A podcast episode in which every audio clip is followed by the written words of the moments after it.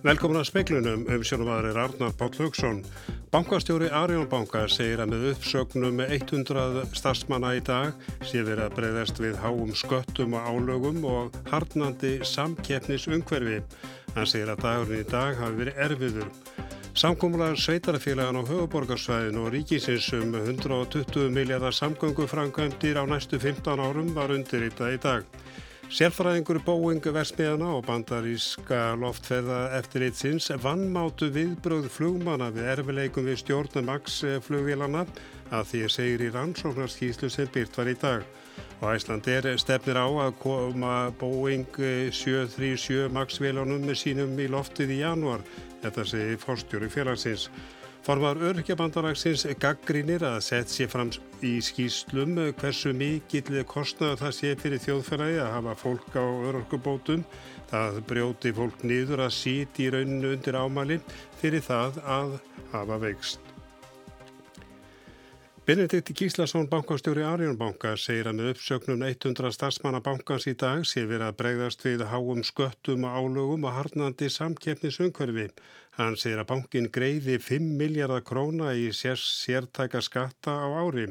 Hann neytar því að bankin hafi verið illa rekin. Nei, bankin var ekki illa rekin en það máðu alltaf reka fyrirtæki betur og það má líka segja að bankin er að starfa í mjög krefjandi umhverfi. Það eru háver skattar og álögur á bankanum og samkjöfnsumhverfið harnar og við því erum við að bregðast með þessum aðgerðum. Við erum að borga um 5 miljardar á ári í sértæka skatta og ef við setjum það í samvikið við þær aðgerðir sem við erum að gripa til í dag þar sem við erum að til lengri tíma að lækka launakostnaði um 1,3 miljard þá er það augljóst að það eru mjög miklar ofnbærar álögur á þessum rekstri. Benedikt segir að stafsmönnum sem sagt var upp í dag verði veitt aðstóð til að leitað nýri vinnum, jáfnframt verði þeim bóðin sálfræði aðstóð. Hann segir að dagurinn dag hafi verið mjög erfiður. Þetta eru auðvitað erfiður dagur að fara í gegnum en ég vona að fram að við þá verði tímanni bjartari og við náum að þjætta okkar aðir og efla okkar þjónustu og sækja fram. Það eru auðvitað markmiðið með þessum breytingum líka að styrkja og efla bankan og gera hann betur samkynningshagan. Saði Benedikt Gíslason í Vitali Maríu Sigrúnu Heilmannsdóttur og nánu verið fjallar um þetta í sjómasfréttum og eftir klukkan 7. Samgöngulega sveitarafélagan á höfuborgarsvæðinu og ríkisins um 120 miljardar samgöngu framkvæmdir á næstu 15 árum var undir í dag. Röskum 50 miljardum króna verður varið til eblingar stoppvega, 50 miljardum í borgarlínu og rúmum 8 miljardum í gungu og hjólastíga og fleira og 7 miljardum í bætta umferðarstýringum. Rósa Guðbjastóttir bæjastjóri Hafnarfyrði fagnar því að samgómlaði skulu vera orðið að veruleika. Þetta er mögnustund vil ég segja og ég tek undir það sem hér hefur komið fram að þetta er tímamóta samkominnlag í mörgum skilningi, bara í öllum skilningi, þetta, þetta samstarf ríkis og sveitafélaga þvert á flokka og, og þarframstu göttarum en ekki síst að við séum núna að ná því fram að höfuborgarsvæðið sé að, sé að fara í alla þessa framkvæmdur. Hér verði áhæslan á næstu 15 árum. Það var orðið tímabært og við getum öll verið stolt af því að nú sé þetta verða veruleika. Kæra þakkir og ég óska ráðhörunum alveg sérstaklega til hamingju með að hafa geta kert þetta í gegnum þingflokkana þó að það hefur verið svona mikið leyndi yfir þessu allan tíman. En, en nú er þetta komið fram og þetta verður örgla jólabókin í ár. Takk. Og þarna síðast heyrðu við Gunnar Einarsinni bæjastjóri í Garðabæm og rætt verðu við Sigurð Inga Jóhansson samgöngur á þram síðar í speiklinum. Katrín Jakobsdóttir forsættis ráþurra segir að það hafi leiði fyrir þegar nefnda var setja á lagitunum bætur vegna guðmyndur og geirfinnsmáls að alþingi þyrti að koma að málinu. Hún ætlar að kynna frumvarp um bætur á ríkisjónafundi á morgun. Nú hefur auðvitað mikil umræða átt í staði samfélaginu um þetta mál, þá fannst mér það hreinlegast og best að setja þetta mál bara hér inn í þingi þó það sé ekkit samkomla sem líki fyrir. Þá að minnstakosti er það bara ljóst svart og hvítu hver vilji ríkistjórnarinnar er.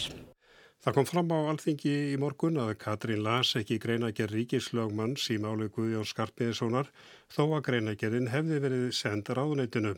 Hún segir að það hefði verið mistök að lesa ekki greinagerðina.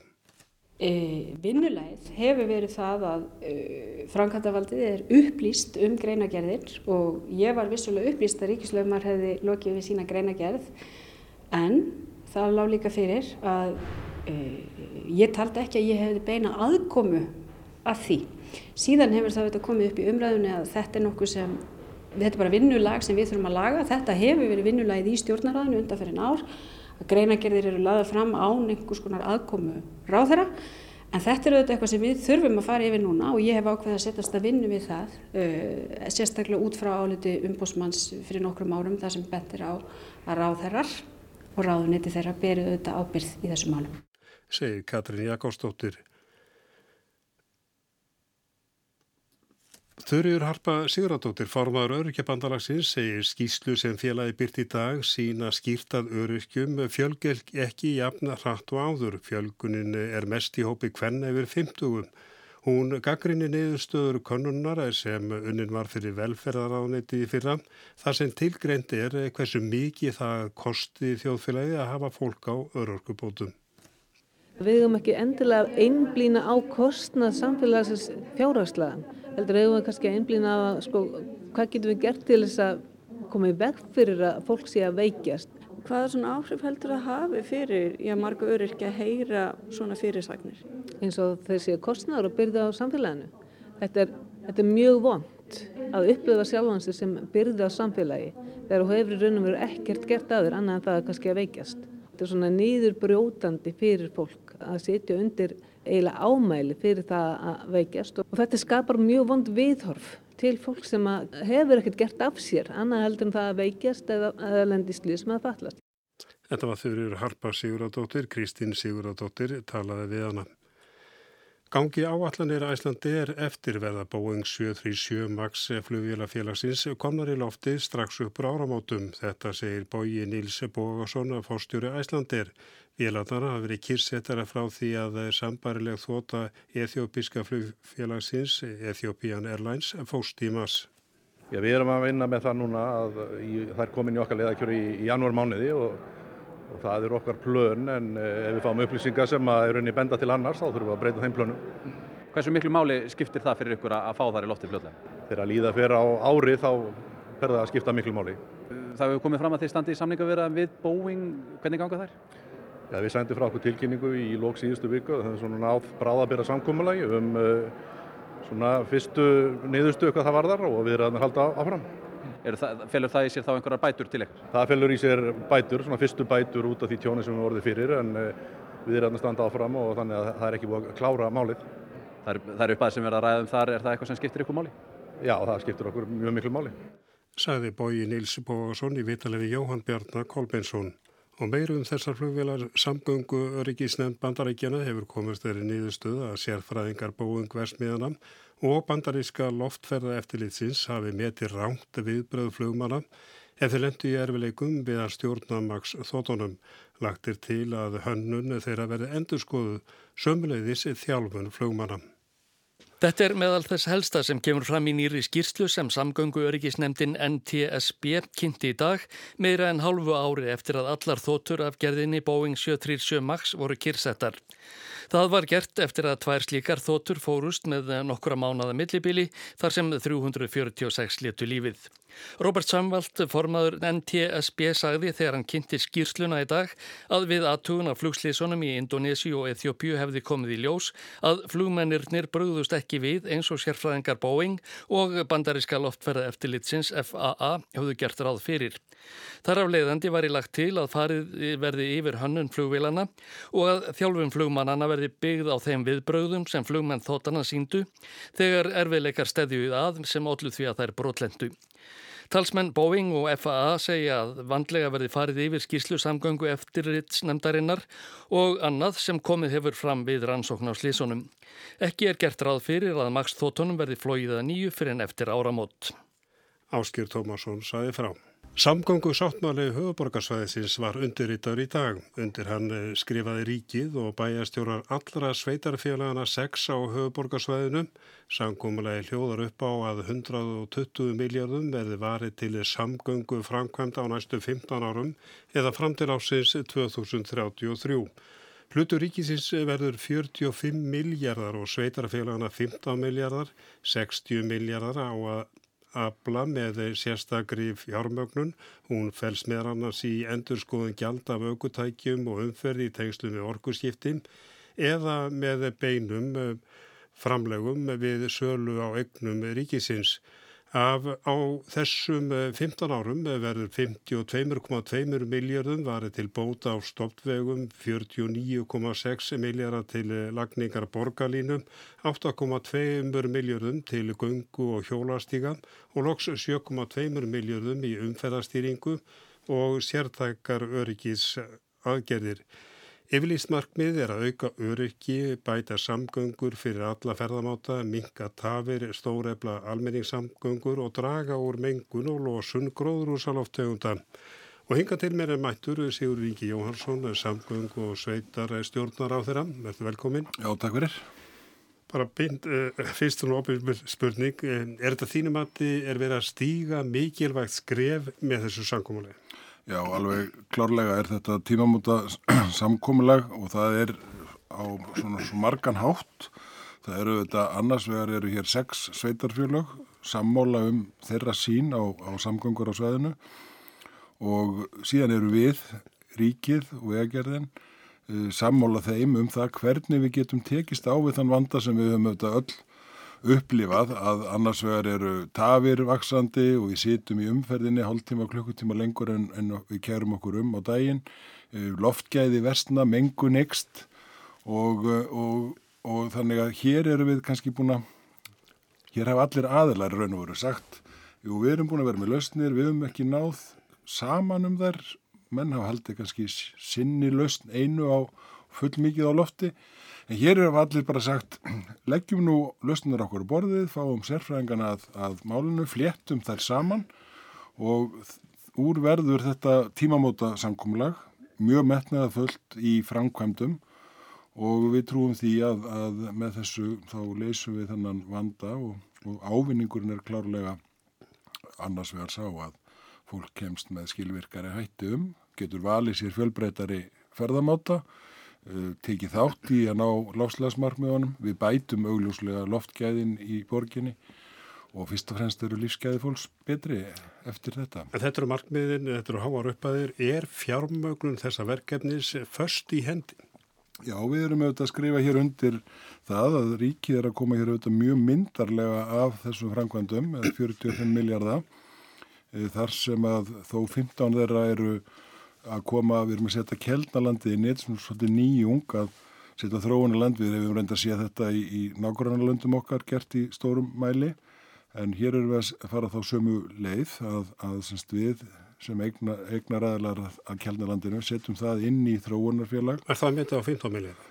Það er í samkómuleginu er, er talað um að, að það komi sem sagt þá 2 miljónar ári á 15 árum, mm. þessi 30 á samgöngu áallun en 15 miljardar komi af, af sölu og þróun kelnalandsins og ef það kemur meira þá fer, rennur það einnig til verkefnisins.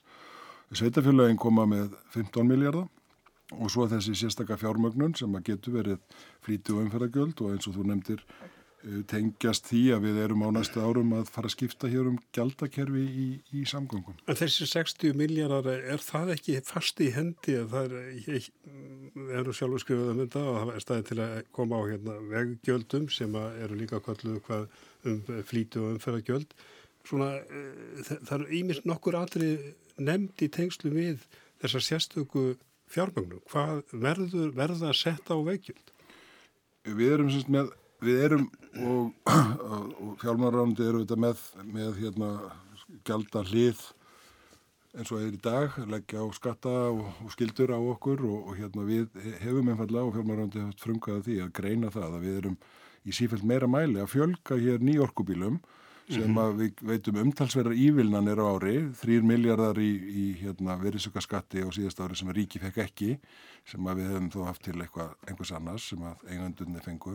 Þessir bílar greið ekkert fyrir afnót sín og innan farra ára, það sem við einu svona kolluðum markaða tekjur og, og voru kannski cirka 20 miljardar og eins og er í dag, það er að bensín og, og dísilgjöldum, þeir munu fara niður um helming á, á einhver ára bíli Þannig að, að það spáði að verði nýju miljardar þegar það líður á þennan ára, á, á næsta áratug. Þannig að við þurfum að skiptum kerfi, það eru allir að því í kringum okkur og við munum gera það og þessi, þessi fjármögnun innan þessa samkómulags, hún verður auðvitað hluti af þessu breyta kerfi á öllu landinu. Þannig að það er verið að gjörbilda kerfinu en ég spyr aftur, verður komið á veggjöldum eða verður þessari innheimtu til að afla fjár til vegaframkvæmda? Í þessu samkómulagi eru við að tryggja að það séu 120 miljardar til þessa verkefnis mm -hmm. og því er líst eins og við getum líst því í dag hvernig þeim verði aflað og þeir, þeir geta komið auðvitað til sem, sem hérna e, viðbótar fjö út úr keldalandinu, það getur líka komið hér til að við séum í færum ríkið að setja hér meiri fjármunni inn vegna sölu á, á hérna á eignum ríkisins og þá til margvíslegra innviða uppbyggingar en það getur líka verið að, að, að, þessi flíti og umfyrragjöld verið lögð á og þau verða, þau verða það og þá verða þau hluti af því sem breyta umhverfi. En, en samkómulegi í dag snýst auðvitað um 120 miljardar mm -hmm. og það verða flýta fullt af framkvæmdum sem við sáum fyrir okkur ef við hefum haft sama takt og síðastleginn 10 ár þá tækja þetta 40, jafnvel 50 ár og engin lausn í sjónmáli fyrir því að, að ná að, að taka á þessum vanda sem er hérna á höfbruksvæðinu, hvorki er varða tafirnar, nýja heldur loftgæðin. Það er ekki búið að skipleika þessar 60 miljardar hvernig þeim eru aflað. Er hættið því að það náist ekki samkómula um þær leiðir? Nei, það er skrifað út í samkómuleginu um, um að, að, hérna, að eh, ríkið, eh, ríkistjórnin og fjármálarándið leggir fram frumvarp um þetta félag. Félagið hafi heimil til þess að taka lán og að, að útfæra það, þessa, þessa breyttu gæltöku sem að fyrirhugað er. Og hvernig ára þeirri vinna að vera lókið? Það verður bara vetur sem frum, þau að koma fram þannig að við erum að leggja stað í þetta verkefni. Við erum búin að fjármagna svona samstarfið við Sveitafélaginu höfbrukarsvæðinu árið 19 og 20 og erum með framkvæmdir í gangi á þeim árum. Þannig að frá árunnu 21 þá, þá er, er komið fúl sving á, á slettinu hérna eins á allar þessa framkvæmdir og við erum í raun og veru Eh, með því að flýta ákveðnum framkvæmdum, sérstaklega stofnframkvæmdunum eins og bústæðavegi, arðanæsveginum, stoknum á sæbraut sem er þá svona grundvöldur þess að, að sundabrautin geti þar tengst, að, að þá erum við bara strax á næstu tveimur, þremur árum að gera mjög mikla hluti sem við höfum verið því miður ekki sammálum á síðustu 5, 10, 15 ára. Ég mitt, þú nefnir sundarbröð, þetta hefur verið þrættu öfli mjög lengi og, og sundarbröð var lögð á ís. Eh, ég manna átt að nota símapenningarna til að kjára á síðan tíma. En er staðsetningin, er hún ákveðin, eða, eða hvar verður hún? Og, Já, og það hvar... eina sem hefur stað út af er, er raun og veru, kannski hvernig hún tengist þá yfir Klettsvíkina samgangukerfi Reykjavíkuborgar. Er það ekki reykast á uh, samskip? Og, og þar var starfsópur og störf sem skilaði vor og hann endaði með því að segja að, að það væri fyrst og fremst tveir kosti sem þar kemur til greina, annars verði jargöng sem erum hægt að leggja núna og getur tengst þessum stokk á sæbrutinni. Nú eða þá uh, betri valkostur sem væri lábrú innar í, í, í, í hérna, vikinni betri segi ég, hann er ekki bara ódýrari betri, hann er betri vegna þess að hann er fjölbreyttari samgókumóti og auðveldari tenging við, við gravorvok en það er rétt sem þú nefnir að það krefst viðræðina við, við fagsálóhafnir fyrst og fremst og, og skipafjöluninu og kannski fyrst og fremst samskip um að, að svo aðstæða sem er í sundahöfn í dag að bæði skipafjölun hafa sitt korn uppskipunar búnaðinn að viðast í Evrópu eru, eru hafnirnar með með, með eiga þetta og selja síðan aðgóng mismunandi fjölda skipafélaga og þetta er eitt af því sem við þurfum að klára um, og það verður gert á næstu mánuðum og þá líkur fyrir uh, niðurstaðum það hvernig sundabröðin að öðru leiti tengist vegakerfi Reykjavík. Í þessari fréttatilkynningu sem var gefn út í dag að það var um samkómulagi líkum sérstakka fjármögnun og uh, þar er minnst á landsbyðina að staði utan Reykjavíkur að uh, það verði ráðist í eða áform séum sérstakka gjaldtöku. Og það er nefnt hann að mörg uh, margi staðir og margar framkvæmdir tvöfaldum kvalferðaganga, sundarvöld vissulega og, og brúiður Ölfus á brú yfir Hortnafærafljót og vegur um Öksi og uh, jargöngu gegnum uh, reynisfjall. Þetta, er þetta í nánustu framtíða? Hvað er langt í þetta? Já, það er semst frumvarp sem að, sem að ég er að leggja fram sem að mun þá fá heimild þingsins ef að verður uh, og með þessa tilteknu framkvæmdi sem þú taldir upp og, og það er fórsendurnar fyrir því að hægt sé að fara þá í svona framkvæmd, svona samvinnu verkefni, skulum við segja, PPP verkefni, alla kvalferðaganga mótilið, að það sé valum aðra leið, það sé, sé hérna svona sértakt verkefni, að þar er þið þá fjármagnað sem sagt með þá með enga aðlum, með fleiri aðlum framkvæmdinn búin út og, og alveg svo við kvalfæragöngin framkvæmd og þegar framkvæmdinn er búin og þá er tekinn gjaldi í tiltekinn tíma og svo fellur regnin aftur til, til ríkisins. Það eru þó uh, tvær útfæslur að þessu. Það er annars vegar það sem umferðin er mikil og mun auðvöldlega geta staðið undir uh, greiðslu á skinsanlegum tíma. Og svo hins vegar það sem umferðin er heldur minni eins og á hortnafjörðarfljóti og, og veginum yfir öksi það sem mikið pressa á að flýta því með að við hvaða aðrar áallinu við vorum með í samgöngáallin að þá uh, er, er við að leggja upp með þau áform að ríki fjármagnu þau að hluta, alltaf 50% til þess að halda greiðslinu niður þannig að það sé augljós ávinningur af því að fara þessa styttingu heldur hann að fara gamlega en að þú getur haft það val. Östuðt, uh, við erum frá Ljókusu því miður að uh, þú ert sáttur í dag, já eða nei? Já, ég er mjög sáttur í dag. Mjög sáttur í dag og uh, það verður mentilega sagt nánar frá þessum framkvæmdum svona þá sjónrætt í fréttum klukkan sjö en þakka þér kjærlega fyrir Sigur Ringi Jóhansson. Takk sem leis.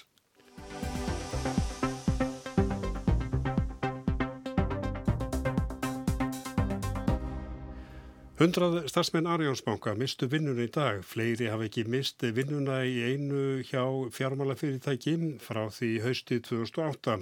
Hugsaðlega verður árið í ár stærsta hófsagnar árið frá hruni. Fórstjóru vinnumálastofnunar telur að botnin, botninum sé ekki alveg náð. Hún skrifar hópuppsagnir nú á efnaðars ástandið og aukna sjálfvirkni væðingu. Hvað er hópuppsögn? Við þeirri spurningu er eflust mörg svör. Hagraðingar aðgerð, orðrómur sem verður að veruleika, erfið ákvörðun, stefnubreiting, andlegt áfall, tímamót, faðmluga á göngum og fólk sem afritar gögn með hraði áður en það gengur út með allt sitt í pappakassa. Lagalega flokkast það sem hóp uppsögn þegar atvinnureikandi segir á einum mánuði upp ákveðnum fjölda fast ráðina starfsmanna af ástæðum sem ekki tengjast hverjum þeir um sig.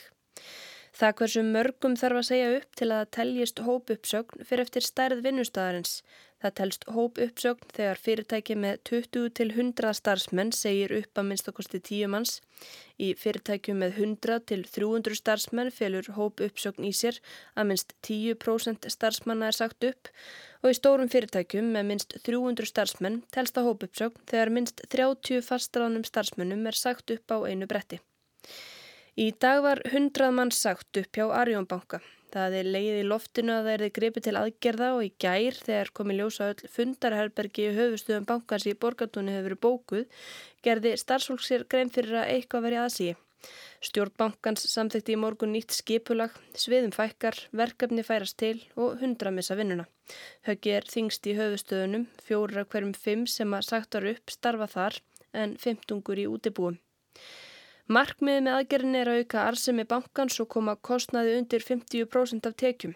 Í fréttatilkynningu sem bankin sendi frá sér eftir að stjórnansaði fundaði morgun segir að íþingjandi breytingar á regluverki og sköttum hafi leitt af sér mikinn viðbútarkostnað og eiginfjárkrafa og skattar umfram það sem að þekkist í nákvæmlega hafi skert samkeppnistöðu banka.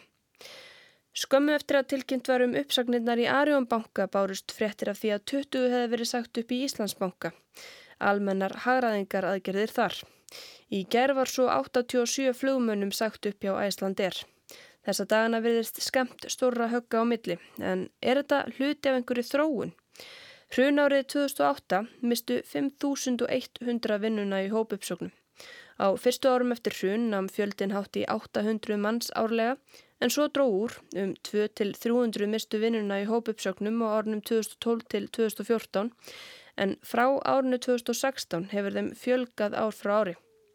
Á þessu ári hafa allavega 809 mist vinnuna í hópuppsögnum. Ekki likur fyrir hvort flugmennir 87 sem að mistu vinnuna hjá Æsland Erikær bætast við. Vinnumálastofnun hefur ekki borist tilkynning vegna þeirra.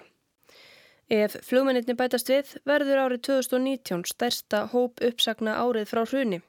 Speillin settist niður með unni Sverrisdóttur, forstjóra vinnumálastofnunar. Hvað skýrir helst sveplur í fjölda hóp uppsagna? Það er náttúrulega, ímsar ástæði fyrir því en þó meðal annars er þetta samdráttur. Við erum á samdráttur skeiði, það er alveg ljóst. Og svo er náttúrulega fleira sem spilar inn í, það er náttúrulega sjálfvirkni væðingin. Við erum í hérna einhverju miðri fjóruði innbyltingunni og eitthvað af þessu ánú rætur að reykja þar og í okkar tilfelli bara hér á landi þá er það náttúrulega fallvá þá dróð saman í ferðaðinaðnum og svona það eru ímsið samverkandi þættir sem að skýrir þetta. Þú veistu við því að það eh, fjölgi áfram hóp uppsögnum á næstu mánuðum?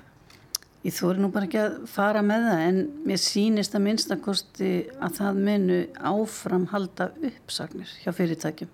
Hvort það ná að verða hóp uppsagnir skal ekki, skal ekki um það segja en mér sínist einhvern veginn að botninu sé ekki alveg náðin ég vona að það verði fljótlega úr áramótum.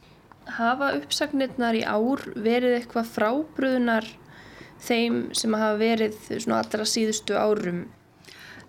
Nei, þetta er óskup svipa, þetta dreifist mjög jæmt alltaf, sínist mér á milli ára nokkur neginn eins á milli atvinnugreina. Það er alltaf eitthvað í fiskvinnslu, eitthvað í byggingariðinaðinum og náttúrulega í ferðarþjónustunni núna en það er þó eh, ekki nefnir að það er 79 á þessu ári. Það kannski stendur upp úr núna 2019.